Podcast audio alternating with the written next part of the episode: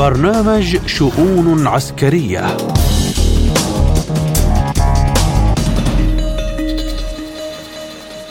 تحية طيبة مستمعين الكرام في كل مكان على أثير إذاعة سبوتنيك في موسكو مع حلقة جديدة من برنامج شؤون عسكرية. أصحبكم فيها أنا محمد جمعة والبداية بأبرز العناوين البنتاغون قذائف اليورانيوم المنضب يجب أن تصل إلى أوكرانيا مع وصول دبابات أبرامز.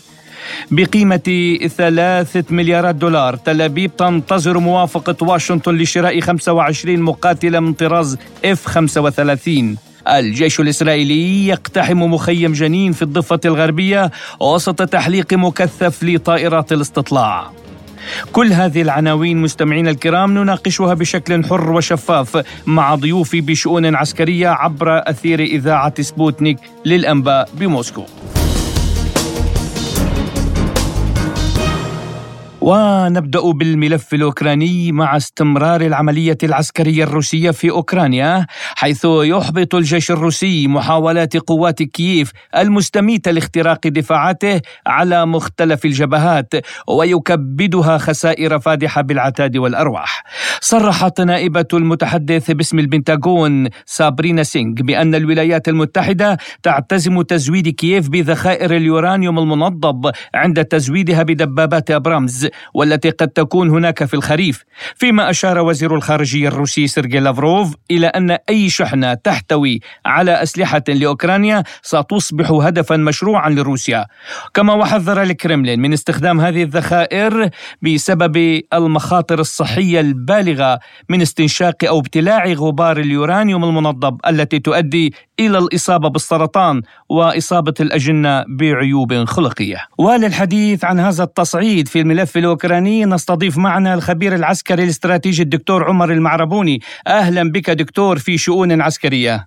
تحياتي لكم تحياتي للمستمعين الكرام. دكتور أبدأ معك من تصريحات البنتاغون. تزويد أوكرانيا بذخائر تحتوي على اليورانيوم المنظم بشكل يتزامن مع وصول دبابات أبرامز. يعني كيف تقرأ هذا التصعيد الآن في سياق الحرب الأوكرانية دكتور؟ هلا بالتأكيد آه، في البداية لابد يعني من التأكيد على مسألة مهمة جدا. وهي أن الولايات المتحدة الأمريكية آه، يعني اتخذت قرارا يعني منذ فترة طويلة بتحقيق الهزيمة في روسيا. وهذا الأمر يعني يتبدى بشكل دائم آه، بعد آه، يعني إطلاق العملية العسكرية الروسية الخاصة.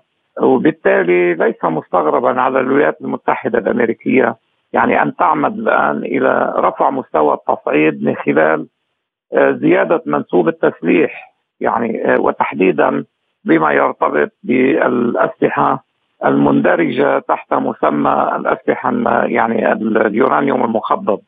آه، وبالتالي آه، يعني اليورانيوم المنضب عفوا. آه، وبالتالي وبالتالي يعني سبقت الولايات المتحدة الأمريكية في هذا الشأن المملكة البريطانية يعني. يعني وهذا يدل في مكان ما على هذا التماهي والتناغم الانجلو ساكسوني يعني وهي وهو المصطلح الذي نستخدمه دائما في توصيف الثنائي الأمريكي والبريطاني. آه، على هذا الأساس يعني من المؤكد أن إدخال أسلحة يعني من فصيلة اليورانيوم المنضب إلى ساحة المعركة سيكون له تداعيات يعني خطيرة وآثار جانبية ستمتد إلى عقود من الزمن. بس دكتور عفوا المقاطعة، آه، تصريحات البيت الأبيض بيقول إن استخدام الذخائر تحتوي على اليورانيوم هذا لقدرتها على اختراق المدرعات وليست اشعاعيه وليست قريبة حتى من فئة الأسلحة النووية، ولا يحظر القانون الدولي استخدامها، ما رأيك بهذه التصريحات أيضا؟ لا لا هذه تصريحات سياسية يعني على المستوى العلمي اليورانيوم المنضد يحتوي على النظائر الثلاثة المشعه التي يحتوي عليها اليورانيوم الفعال المخفض يعني. آه، ولكن طبعا بكميات أقل. آه، من المؤكد أن فاعلية اليورانيوم المنضب على الدروع هي فاعلية كبيرة وممتازة. لكن آثار هذا الاستخدام آه، سيكون يعني على الناس على التربة على المياه على النباتات وعلى الكثير يعني من المسائل المرتبطة بمسرح العمليات الذي ستستخدم فيه هذه آه، القذائف. وهنا أود أن أشير إلى أن مسرح عمليات المعركة حاليا يحتوي آه، مسألتين مهمتين بالنسبة لأوكرانيا. أولا الكثير من المجاري المائية وثانيا التربة السوداء الخصبة, الخصبة التي تمتاز بها منطقة مسرح العمليات. آه، انطلاقا من هذه المسألة التأثير لن يكون آنيا. سيكون يعني بعد استخدام هذه الأسلحة. ولتأكيد يعني ضرر هذه الأسلحة. لابد من العودة إلى ما حصل في العراق حيث تم استخدام ما يقارب 300 طن يعني من اليورانيوم المنضد. وأيضا في يوغوسلافيا يعني هذين البلدين اللذين يعانيان الآن يعني من آثار سلبية وجانبية خطيرة سواء بما يرتبط بالأمراض وتحديدا أمراض السرطان التي تصيب بشكل أساسي الجلد والرئة. وهي متوارثة يعني المزعج في المسألة والخطير في المسألة أن يعني الكثير من المواليد الجدد آه، في آه، هذين البلدين يعانيان آه، من تشوهات خلقية وما إلى ذلك. نعم دكتور طيب يعني برأيك ما هي الأسلحة الآن الأكثر فعالية ضد هذا النوع من القذائف؟ هلا يعني مبدئيا أود أن أشير إلى موضوع تقني يعني مدى مدافع الأبرامز ام 1 دبابة إبرامز ام 1 ودبابة تشالنجر لا يتجاوز 3800 متر وبالتالي آه، لا تستطيع تحقيق إصابات في الدبابات الروسية ذات المدى الأبعد والتي تكون يعني في نقاط التحصين أو حتى في المعركة التصادمية. آه، من هنا يعني أعتقد أن الاستخدام سيكون ضد الدشم آه، وضد يعني أهداف محددة وربما أيضا ضد المدرعات في حال يعني كانت يعني في حالة اشتباك تصادمي. آه، لكن أيضا يعني لابد من الإشارة إلى أن أطقم الدبابات الأوكرانية آه، من طرازي ابرامز ام 1 الأمريكية وتشالنجر 2 البريطانية. سيتأثران أيضا يعني هذه الأطقم ستتأثر آه، بعمليات الإطلاق لأنه هي في مسرح العمليات يعني في دائرة التأثير الفعال لهذه الأسلحة.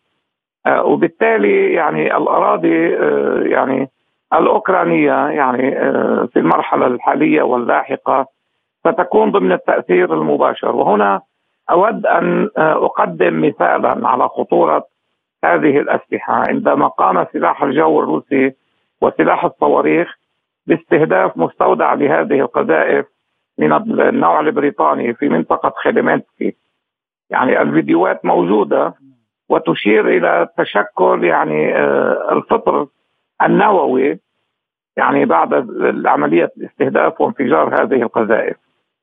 وهذا أمر مؤكد يعني آه، من خلال قياس مستوى الإشعاع في تلك المنطقة لحظة الانفجار وما بعد يعني آه، لحظة الانفجار حتى يعني الوقت الحالي. من هنا يعني هذه أسلحة خطيرة بمعزل عما تقوله الولايات المتحدة الأمريكية وبريطانيا. هناك إجماع علمي على أنها أسلحة خطيرة. هي ليست أسلحة دمار شامل بالتأكيد لكنها كما قلت يعني تحتوي على النظائر الثلاثة المشعة نفسها التي يحتويها اليورانيوم المخصب. لكن بكميات أقل. نعم هذا بالنسبة للقذائف التي تحتوي على يورانيوم منضد، طيب دكتور بالنسبة للدبابات الجديدة أبرامز، يعني شو ممكن تغير هي من مسار الهجوم المضاد للقوات المسلحة الأوكرانية؟ كلها عشر دبابات يعني. لا هو العدد الكلي الذي سترسله أمريكا 31 دبابة، المرحلة الأولى سيتم إرسال 10 دبابات. نعم. الأبرامز إم 1 هي دبابة من الجيل الثالث آه، يعني لا تمتاز يعني بمواصفات آه، خطيرة وكبيرة جدا. هي يعني تقارب عمليا دبابات تي 72 الروسية. يعني آه، لا تمتاز بمواصفات أعلى. وبالتالي لا يمكن أن تقدم يعني ما يسمى بالتحول أو تحدث تحولا في ميدان المعركة. لا بما يرتبط بالمواصفات ولا بما يرتبط بالعدد. وهنا أود أن أشير إلى أن الجيش الأوكراني كان يمتلك بحدود آه، بين 2500 إلى 3000 دبابة مع بدء العملية العسكرية الروسية آه، من طرازات يعني تي 72 وتي 64 المحسنة وأيضا طرازات تي 80 آه، والتي دمر معظمها يعني وهذا هو السبب الذي استدعى إرسال دبابات وأسلحة مدفعية وصاروخية إلى أوكرانيا. كما دمرت الأسلحة من الحقبة السوفيتية التي كان يمتلكها الجيش الأوكراني ستدمر هذه الدبابات. والمثال أن معظم يعني غالبية دبابات ليوبارد 2 التي أرسلت إلى أوكرانيا تم تدميرها وهذا أمر موثق يعني في كل الفيديوهات التي تم نشرها. أيضا يعني آه، تم رصد آه، تحطم دبابة تشالنجر يعني 2 البريطانية منذ يومين أو ثلاثة. هذا أيضا سيكون مصير دبابة إبرامز إم 1 خصوصا أن الجيش الروسي وضع في آه، بعض يعني الأماكن الحساسة وضع دبابات تي 90 أم المطورة جدا والتي يمكن اعتبارها من الجيل الرابع plus هذه مسألة المسألة الثانية أن يعني دروع الإبرامز إم 1 ودروع التشالنجر 2 لا توازي دروع الميركافا أربعة التي دمرها حزب الله بصواريخ الكورنيت الروسية في العام 2006 نعم ميركافا الإسرائيلية 2006 نعم يعني وبين العام 2006 والعام 2023 هناك 17 سنة. من المفيد أيضا القول أن الجيش الروسي أدخل صواريخ كورنيت إم إي إم إلى يعني ساحة المعركة وهي صواريخ آه، يعني ذات مدى 10 كيلومتر في النهار. و8 كيلومتر في الليل. يعني تستطيع صواريخ الكورنيت الحديثة الروسية أن تصطاد يعني الابرامز والتشالنجر والليوبارد واللوكلير يعني الفرنسية إذا ما أرسلت. وهي على مسافة بين 10 إلى 8 كيلومتر ليلا ونهارا. هناك سؤال لابد من طرحه بعيدا عن هذه التكنولوجيا العسكرية. يعني اسمح لي أن أسألك سؤال يسأله الكثيرون. ما الذي يجعل أوكرانيا لا تدرك أنها أصبحت أداة في يد الغرب وساحة لحرب عالمية ثالثة قد دخلت في مرحلتها الفعالة؟ وهل أنبأتنا الحقبات التاريخية يا أستاذ محمد بأن الأداة يعترف بأنه أداة؟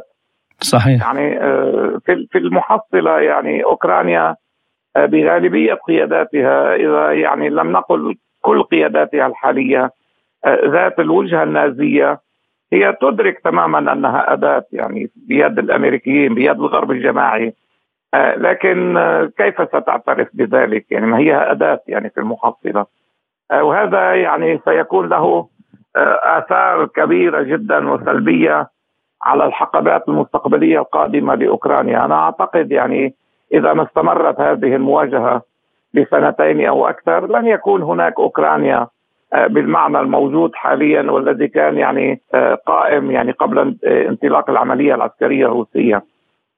وبالتالي يعني الخاسر الأكبر في هذه المواجهة هو أوكرانيا والشعب الأوكراني. والدليل على ذلك أن أكثر يعني من 15 مليون إلى 17 مليون أوكراني وأوكرانية هاجروا كليا من أوكرانيا إلى أماكن مختلفة في الشتات يعني في العالم في بلدان العالم آه، وبالتالي آه، هذا سيحول أوكرانيا يعني بعد سنة أو سنتين إلى دولة فاشلة خصوصا إذا ما استمر إرسال آه، هذه الأسلحة الخطيرة من اليورانيوم المنضد والتي ستحول مناطق كثيرة في أوكرانيا إلى مناطق خالية من الحياة.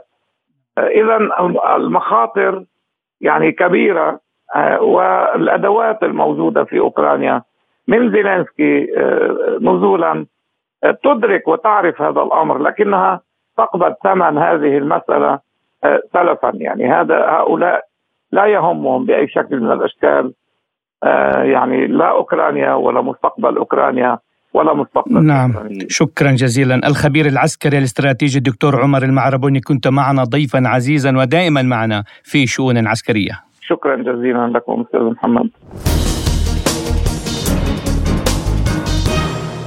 والى فلسطين حيث التصعيد هو سيد الموقف مع اقتحام الجيش الإسرائيلي مخيم جنين في الضفة الغربية وسط التحليق المكثف لطائرات الاستطلاع. للحديث أكثر عن هذا التصعيد الإسرائيلي في الضفة الغربية ينضم إلينا من فلسطين الدكتور ناصر حماد مدير عام مركز الدراسات والتوثيق الاستراتيجي. أهلا بك دكتور ناصر وبداية كيف تقرأ هذا التصعيد الأخير للجيش الإسرائيلي؟ بالنسبة إلى التصعيد الإسرائيلي في الضفة الغربية هذا هو جزء من مشروع سياسي تم إعداده مسبقا لمحاولة ترحيل أهالي الضفة الغربية وسياسة الترهيب بشكل كامل. وهذا هو خارج عن إطار القانون الدولي الإنساني والأعراف الدولية والمواثيق الدولية. ولكن إسرائيل هي خارج كامل حسبة المواثيق الدولية وبتعتبر نفسها هي فوق القانون الدولي الإنساني وتنتهك القانون الدولي الإنساني بكافة القضايا السياسية بحق الشعب الفلسطيني.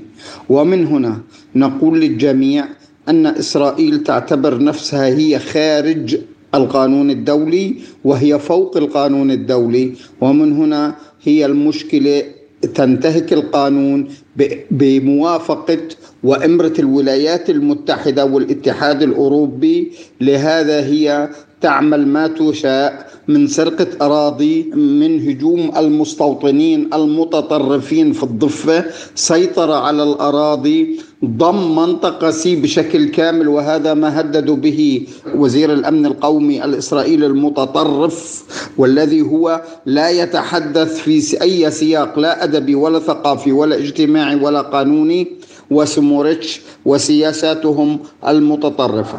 ومن هنا نقول للجميع إن السياسة الإسرائيلية في الضفة الغربية هي ضد الشعب الفلسطيني بشكل كامل طيب دكتور ناصر يعني لماذا تنعم إسرائيل بكل هذه الحصانة الدولية ولا أحد يحاسبها على انتهاكاتها؟ إسرائيل هي خارج نطاق القانون الدولي وهي تتحدث بمسؤولية شخصية وبحصانة أمريكية. هي فوق القانون وتتعامل وتريد العالم يتعامل وفق القانون وهي خارج عن إطار السياق القانوني الدولي الإنساني والأعراف الدولية والمواثيق الدولية. ومن هنا هناك حصانه من قبل الولايات المتحدة بشكل خاص إلى إسرائيل لتفعل ما تشاء ضد الشعب الفلسطيني. والحادثة الأخيرة التي هي كانت موجودة في الفترة الأخيرة إن أفراد من الشرطة الإسرائيلية أطلقوا الكلاب على النساء. وهن مرات آمنات سليمات عفيفات أطلقوا الكلاب عليهم ويريدون طلبات غير إنسانية وغير محترمة وخارج عن إطار الأعراف الدولية. وهذه المو... وهذه هي مشكلة كبيرة وفجرت الأوضاع في الضفة الغربية. وبعدين بيقولوا لك إنه الفلسطيني هو هو ينتهك القانون الدولي وتدين الولايات المتحدة. وهذه مشكلة كبيرة إن إسرائيل تنتهك القانون بكافة الأشكال وضد الأعراف الدولية. وكيف تقرأ هذا الصمت العربي المخزي والدولي حيال ما يجري في فلسطين الآن؟ هناك نوعان من الدول العربية. هناك نوع يرفض كافة السياسات والتعاطي والتعاون مع إسرائيل وهناك دول مطبعة ودول منبطحة للكيان الصهيوني. وهذه مشكلة كبيرة في عملية العلاقات العربية الداخلية وحيال القضية الفلسطينية. وكثيرون من الإعلاميين العرب أصبحوا يقولون أن القضية الفلسطينية ليست قضيتي ولا تهمني القضية الفلسطينية بشكل أو آخر. وهذه مشكلة كبيرة وهذا الانقسام العربي الداخلي والانبطاح. وبفكروا هم إنه فانو مصباح علاء الدين هو بجيب لهم الحلول. لا يا عمي. العلاقات الإسرائيل لن تجلب السلام لن تجلب الأمن لن تجلب الاستقرار لن تجلب الاقتصاد.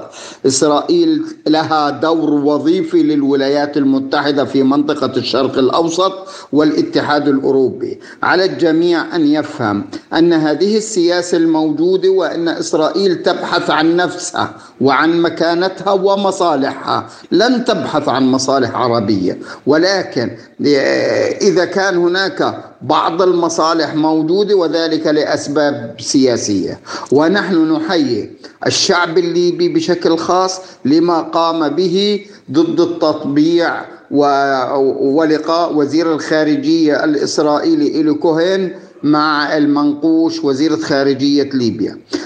ونتحدث في هذا السياق إن إسرائيل تريد أن توضع أن تضع القضية الفلسطينية في فريزر ثلاجة في الثلاجة.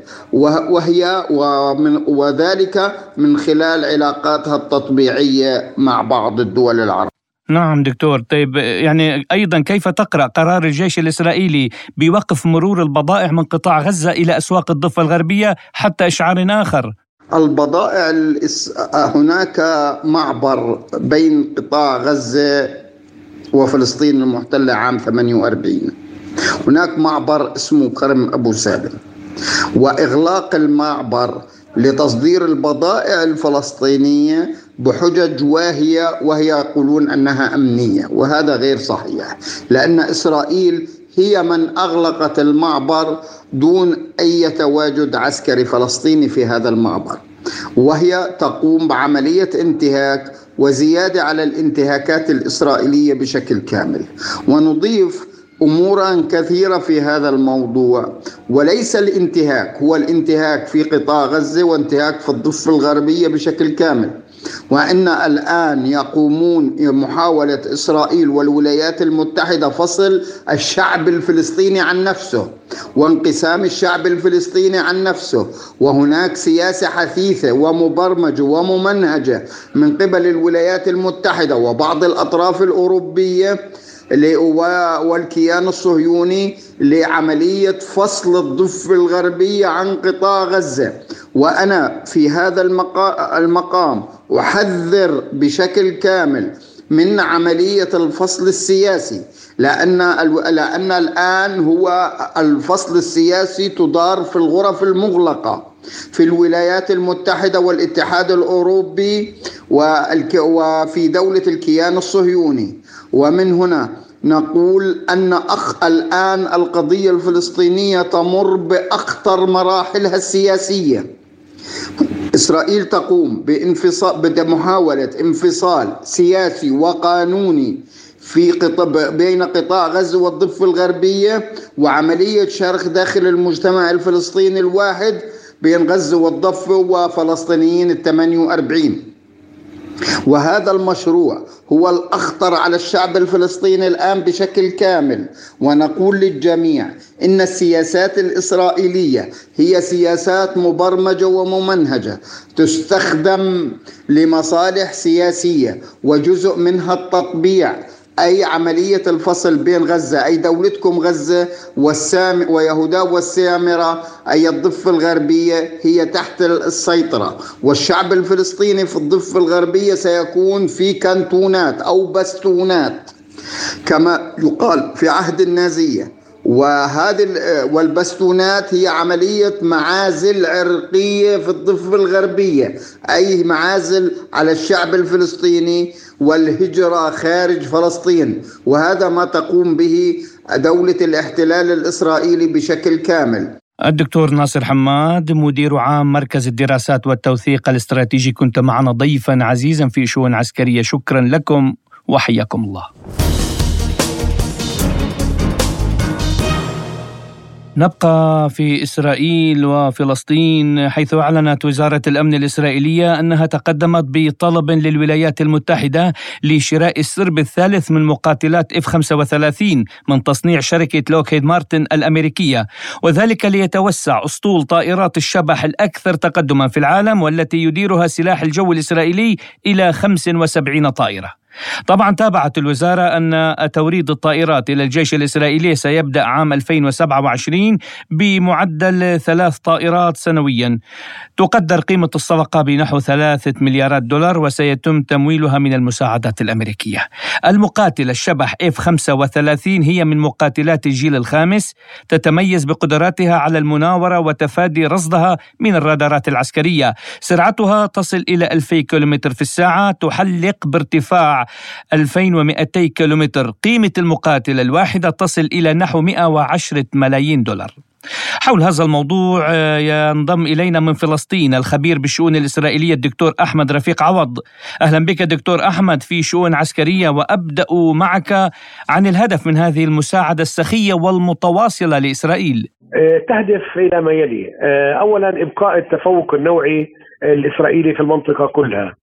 ثلاث اثنين ممكن جدا أن تكون هذه جزء من الاتفاق الضمني بين إسرائيل وأمريكا لاسترضاء إسرائيل في حالة يعني التقدم في اتفاق انتقالي أو مرحلي أو نهائي حتى مع مع إيران.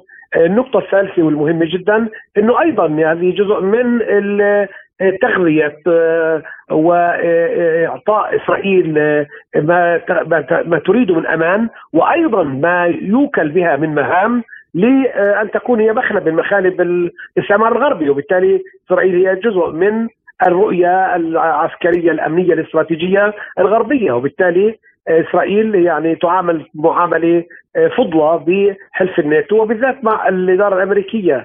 أيضا هناك التزام أمريكي بدعم إسرائيل امنيا غير حوالي تقريبا 4 مليارات دولار التي تقدم لها سنويا على مدى 10 سنوات. وما الذي ستغيره هذه الصفقة برأيك دكتور في موازين القوى؟ ليس هناك من من طائرة تقريبا توازي هذه الطائرة آه، بقدراتها الهجومية والدفاعية وهذه طائرة استراتيجية يعني تغير موازين القوى وإسرائيل أعتقد حصلت قبل آه، عدة سنوات على جزء من هذه الطائرات 35 اف اي والآن هي تحصل على طائرات من هذا النوع. واضح أنها متقدمة أكثر ومتطورة أكثر، بالتالي هذا تغير في الصورة، تغير في التوازن، تغير في الهيمنة، وأعتقد إنه هذا جزء من إعطاء إسرائيل ما تريده من أمان وامن في حالة أي اتفاقات تطبيعية أو اتفاقات أمنية مع إيران أو لمواجهة مواجهة يعني مخاطر أمنية في المستقبل لأنه المنطقة متغيرة جدا وهناك تحالفات جديدة والحرب الروسية الأوكرانية واضح أنها تغير العالم أو تغير تحالفات القوة والطاقة إلى آخره وبالتالي هذه هذه الطائرة الأمريكية واضح أنها يعني تعطي إسرائيل ما تريد. بالإضافة أيضا يجب القول إنه إسرائيل أيضا آه، أعطت أمريكا أو هناك كلام عن إنه إسرائيل تعطي أمريكا آه، القبة الحديدية مثلا. وهذه القبة الحديدية أثبتت بين قوسين بين قوسين إنه ممكن أن ترد على مخاطر صاروخيه معينة.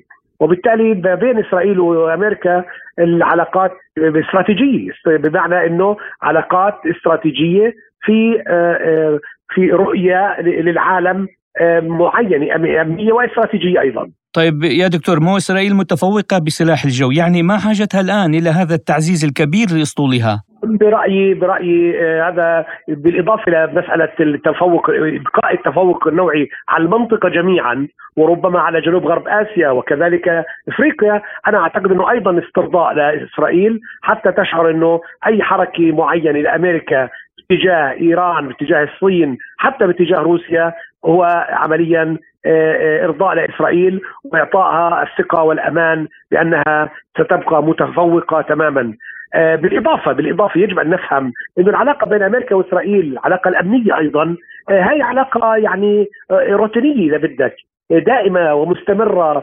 وعميقة ومتطورة منذ أن أقيمت إسرائيل حتى اليوم فبالتالي لماذا هذه الطائرات؟ هذه الطائرات كما قلت طائرات متفوقة جدا آه، وتعطي من يمتلكها إحساس بالأمان الأمان الشديد. وبالتالي ممكن جدا إنه أمريكا ترغب أيضا بإعادة تموضعها من جديد. لأنها أيضا أمريكا لا تريد للصين أن تكون لها قدم في المنطقة، لا تريد لروسيا أن يكون لها قدم في المنطقة، نحن منطقتنا منطقة نفوذ دولي تماما، صراع دولي، وبالتالي إسرائيل جزء من المعسكر الغربي الاستعماري، وقوة إسرائيل هو من قوة حلف الناتو بالتأكيد. دكتور كسؤال أخير يعني برأيك أليس هذا السباق إلى التسلح من قبل إسرائيل بمثابة تحريض لإيران على تخصيب اليورانيوم أكثر وأكثر؟ جدا جدا جدا. أصلا إيران يعني تقرأ برايي انها تقرأ الموقف جيدا. هي عمليا تزيد من قوتها العسكرية وواضح أنها ترغب بامتلاك قوه نووية حتى تحمي نفسها من آه، اطماع آه، حلف الناتو آه، من اطماع إسرائيلية من اطماع غيرها. وبالتالي بالعكس يعني هذا التسابق التسلح التنافس على امتلاك القوة النووية وغير التقليدية واضح جدا لأنه نحن أمام دول إقليمية آه، بالغة إذا بدك العدوانية وإذا بدك بالغة التنافس الرغبة في امتلاك الإقليم العربي اللي هو عمليا إقليم فارغ آه، استراتيجيا. وبالتالي هناك تسابق على امتلاك آه، امتلاك هذا هذا هذا الإقليم. الخبير بالشؤون الإسرائيلية الدكتور أحمد رفيق عوض كنت معنا ضيفا عزيزا في شؤون عسكرية شكرا لكم. مستمعينا الكرام إلى هنا تنتهي حلقتنا اليوم. من برنامج شؤون عسكرية كنت معكم أنا محمد جمعة. شكرا لكم.